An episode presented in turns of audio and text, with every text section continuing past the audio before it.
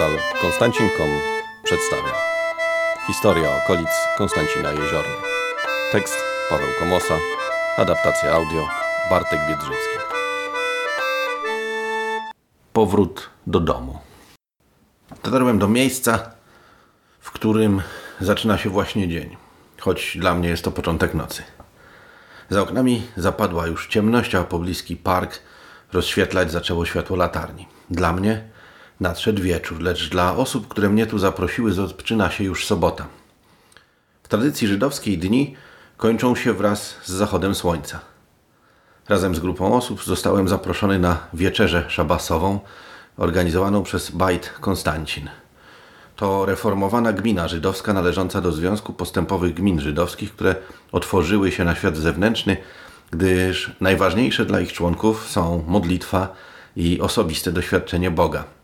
Ważniejsze niż surowe przestrzeganie przepisów. Wiesz, to trochę tacy nasi ewangelicy, powiedział mi kiedyś z uśmiechem niepraktykujący wyznawca tej religii. Może to i uproszczenie, ale coś jest w tym porównaniu, przecież na udział w wieczerzy ortodoksyjnej nie mam szans. Podobnie jak członkowie Beit Polska, nam przeorganizowane w nieekumenicznym przedsoborowym duchu. Nie wszyscy do końca wiemy, jak się poruszać i zachowywać na tej uroczystości, jednak organizatorzy wszystko wyjaśniają i tłumaczą, co sprawia, iż uroczystość staje się wyjątkowym doświadczeniem. A ja, trzymając w ręku teksty pieśni w języku hebrajskim i polskim, słuchając wspaniałego i jednocześnie poruszającego śpiewu kantora Piotra Mirskiego, zastanawiam się nad tym, o czym przed chwilą mówiłem ja sam, a po mnie inne osoby, o tym, co już przeminęło. Poproszono mnie o powiedzenie kilku słów na temat obecności Żydów w tych okolicach, co uczyniłem. Zaś po mnie o zaginionym świecie jeziorny królewskiej opowiadali jeszcze Adam i Tomasz. Ale to przywodzi jedynie na myśl, że naszą historię odtwarzamy jak zwykle ze skrawków, a w tym wypadku są one wyjątkowo nikłe. Nie wiemy w zasadzie nic o historii gminy wyznaniowej Jeziorna, obejmującej także teren Wilanowa i Piaseczna. Zachowały się jedynie szczątki nic nieznaczących dokumentów. Jej historia dobiegła końca 25 stycznia 1941 roku, gdy wysiedlono zorganizowane tu niespełna trzy miesiące wcześniej getto, mieszczące się na niewielkim obszarze zamkniętym między rzeką Jeziorką a ulicą Bielawską oraz tak zwaną Błotnicą, rejon obecnej stacji benzynowej i osadą Konstancinek. Dzień wcześniej do prezesa gminy Adama Kenigsteina i rabina Rosenzweiga miał przyjść komendant tutejszego posterunku granatowej policji, uprzedzając ich o tym, co ma nastąpić. Dzięki temu mogli pod pozorem symulowanego ataku serca wezwać karetkę i pojechać do Warszawy wraz z księgami gminy, które ukryte zostały w piwnicach kamienicy na Pańskiej. Wraz z nimi nastąpił symboliczny koniec gminy, zaś budynek ten przestał istnieć. Być może głęboko pod fundamentami odbudowanej Warszawy znajduje się fragment naszej przeszłości. Nie potrafimy nawet odpowiedzieć na pytanie, od jak dawna Żydzi obecni byli na tych terenach. W Płocku ich obecność notowano już w XI wieku, czyli w czasie, kiedy naszą część Mazowsza porastały głównie bory, a tutejsze tereny, mające z czasem zostać nazwane urzeczem, łęgowe lasy.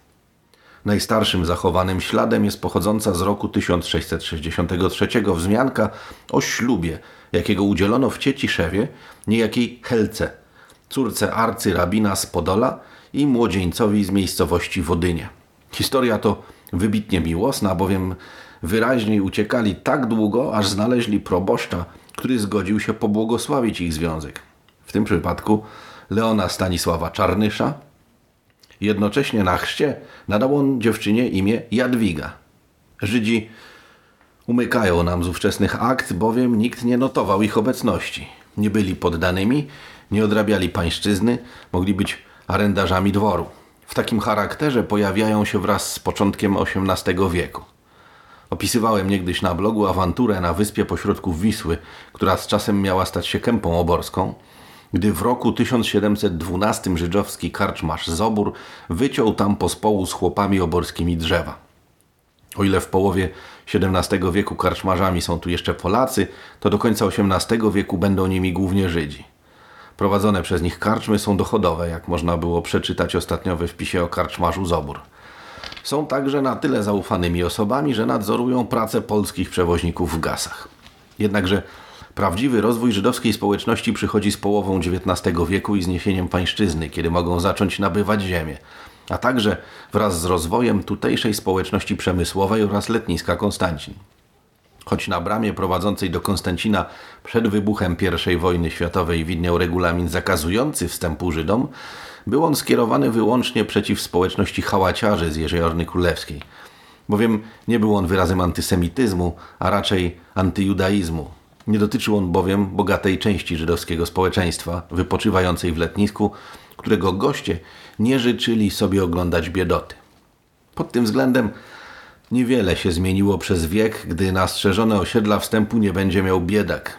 Wspomnieć można też oryginalne pomysły sprzed lat kandydatów na radnych proponujących ogrodzenie willowej części Konstancina, aby wstępu nie mieli tu mieszkańcy sąsiednich bloków. W tymże letnisku, nie wpuszczającym hałaciarzy, w niektórych willach organizowano wieczerze szabasowe. Można jedynie podążyć śladem nieistniejących już miejsc. Spacer ulicą Bielawską, niegdyś tętniącą życiem, gdzie mieszkał sam Freiman. Był sklep szewski, piekarnia, rzeźnia, gdzie w kręgu ulic Koziej Fabrycznej kwitło życie, stały dwie synagogi, mytwa, łaźnia, a Żydzi byli zwykłą częścią tutejszej społeczności. Zaś dzieci uczyły się razem w szkołach i wspólnie bawiły. Jak wspominała to dorastająca tu wówczas pani Barbara Kulińska, bohaterka Powstania Warszawskiego. I jak barwnie opisał ten zaginiony świat w swoich wspomnieniach Zbigniew Cechnicki. Wszyscy żyli obok siebie, ale taki to był świat, że pewne podziały jeszcze nie zaistniały. Nieopodal, we wsiach nadwiślańskich, podobnej koegzystencji żyli ewangeliccy potomkowie Olendrów, którzy chrzcili swe dzieci i zawierali małżeństwa w pobliskich katolickich kościołach, gdzie prowadzono metryki stanu cywilnego. Zaś Polacy uczęszczali wraz z nimi do szkół zamienianych w niedzielę na kaplice a w Jeziornie i Konstancinku znaczny procent mieszkańców stanowili ludzie wyznania mojżeszowego, jak stwierdzono w ówczesnej urzędowej dokumentacji. W styczniu 1939 roku w spisie przeprowadzonym w gminie Jeziorna wykazano 655 Żydów. W roku 1946 ani jednego.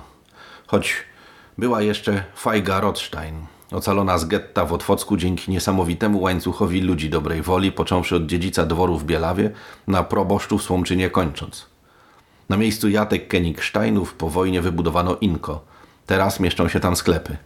Oczywiście ukrywano tu nie tylko Feige Rothstein, lecz cała ta społeczność przepadła bezpowrotnie. Nie ma więc już sklepu Mojsze Kozy, nie ma zegarmistrza Haskiela, krawca Jelenia, ostała się mykwa zmieniona w prywatny dom. W piątkowe wieczory nie zobaczymy na Argentynie świec szabasowych w oknach. Zresztą nazwa ta także związana jest ponoć z Żydami, którzy wyemigrowali podczas dwudziestolecia z Jeziorny do tego właśnie kraju. Nie ma także już wyznaniowej gminy Jeziorna. Nie możemy nawet podążyć spacerem duchów, bowiem teren mocno się zmienił. Lecz jeśli ktoś pragnie wędrować śladem historii, niech zaczeka na tekst Adama i uda się do jeziorny z przewodnikiem w ręku. Choć Żydzi to nie tylko jeziorna, to również historia całej gminy, której mieszkańcy wspominają ich obecność w każdej wsi, gdzie mieli swoje sklepiki, a żydowscy handlarze krążyli po łużyckich wsiach skupując i sprzedając towary, choćby mięso wożone do rzeźni w Karczewie promem w gasach. I właśnie o tym zaginionym świecie myślałem, spoglądając na dwie zapalone świece symbolizujące pamięć i przestrzeganie. Biorąc udział w najważniejszym żydowskim nabożeństwie, bowiem w przeciwieństwie do chrześcijaństwa, które ma święta przewyższające wagę niedzieli, w judaizmie szabas jest najistotniejszy. Pochodzi bowiem od Boga. Pozostałe zaś święta płyną z tradycji. I dotarło do mnie, iż pewnego czasu historia zatacza kręgi a wszystko w nieco zmienionej postaci wraca do tego, co już było, a dawni mieszkańcy do domów tożsamości swych przodków. Bo Konstancin Jeziorna to taki dziwny zlepek bez tradycji miejskiej, gdzie historia sprawiła, że rozwój zmieniającej się powoli w miasto Jeziorny Królewskiej, siedziby wiejskiej gminy Jeziorna, zahamowany został przez ściśnięcie z letniskami Stolnimów i Konstancin. Rozdzielono je w latach dwudziestych, a potem wszystko na powrót złączono w PRL-u w jeden organizm – robotniczy Mirków, burżuazyjne letniska i nadwiślańskie wsie stanowiące na początku XX wieku wielokulturową gminę Jeziorna. I teraz to wszystko powraca. Znów mamy wielokulturową gminę, jak podpowiedziano mi, z najwyższym wśród podwarszawskich gmin procentem cudzoziemców, sięgającym 6,5%. Konstancin znów stał się zamkniętą enklawą bogatych mieszkańców, zamkniętych w swych rezydencjach, żyjących z dala od mieszkającej tu od wieków lokalnej społeczności. Powrócił wreszcie region Urzecza, a tożsamość kulturowa budzi się na nowo, tworząc ponownie mozaikę mieszkańców tych stron. Cieszę się więc, że miałem okazję skosztować na wieczerzy chałki i napić się wina, że zostałem zaproszony przez Bajt Konstancin, tworzony przez Żydów zamieszkałych w tych stronach.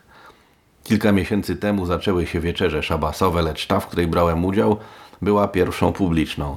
Po 73 latach znowu odprawiono szabas, a gmina żydowska, choć zreformowana, wróciła do domu.